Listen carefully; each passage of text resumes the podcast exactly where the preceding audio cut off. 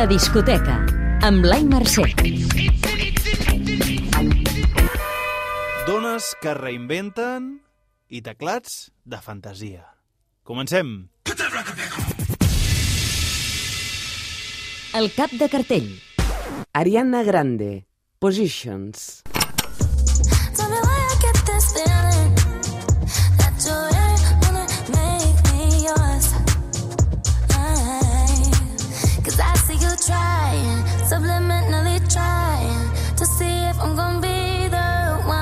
Ariana Grande va deixar de ser només un ídol adolescent en el seu últim disc, Thank You Next, per convertir-se en una de les grans divas pop del moment. Positions, el seu sisè disc, anunciat pràcticament per sorpresa, és una continuació d'aquella sonoritat més urbana i potenciant la seva vessant R&B, on la sentim cantar a duet amb The Weeknd, Doja Cat o Ty Dolla Sign. En definitiva, un disc de producció impecable per tots els públics que agradarà molt als fans de la cantant, però que no sorprèn gaire.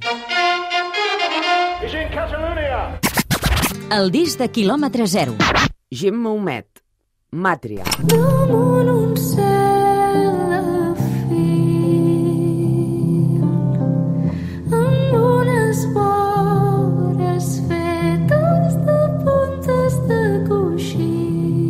La cantautora terrassenca fa un gir de 180 graus en el seu tercer disc, on per primer cop acompanya les seves cançons de teclats i caixes de ritmes.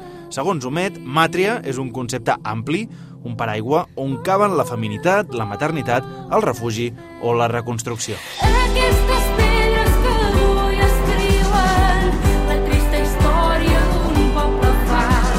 L'àlbum compta amb la producció de Jordi Casadesús, membre del grup La Iaia i mà dreta de Núria Graham, i música poemes de Sònia Moll, Estel Soler, Mireia Calafell, Roc Casagran o Maria Mercè Marçal. I atenció, també rescata una cançó perduda del seu oncle, el cantautor Joan Baptista Humet, que no va passar la censura franquista i de la qual s'havia perdut la música. tinc aquesta lletra, solitud, però que només tenim la lletra, per tant, l'hauries de musicar tu.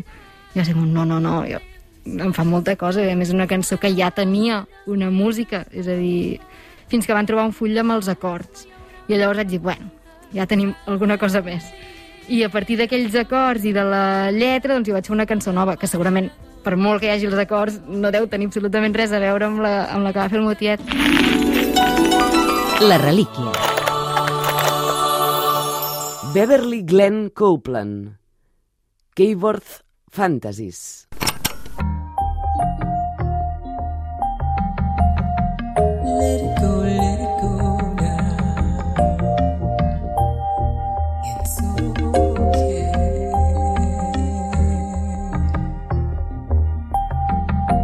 Aquesta setmana se celebra a casa teva, sí, a casa teva, el festival inèdit i una de les perles és el documental amb el mateix títol d'aquest disc, Keyboard Fantasies, que revela la història del seu creador, un cantant negre i trans que l'any 86 va publicar un caset pioner fent servir un ordinador Atari, mesclant ambient i folk. Ara el reivindiquen productors com Caribou i Fortet i molts més fans, sobretot des del Japó. Una història fascinant que recorda per moments la de Sixto Rodríguez, protagonista de l'aclamat Searching for Sugar Man. El disc que farà parlar. Luz and the Yakuza, Gore.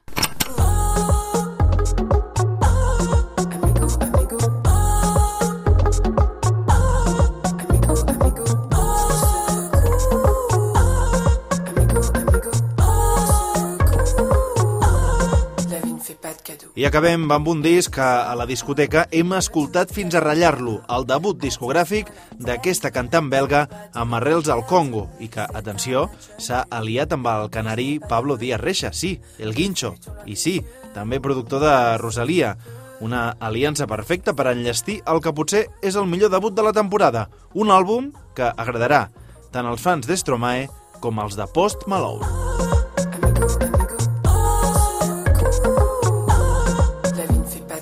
La discoteca. Posa't al dia amb Blai Mercè.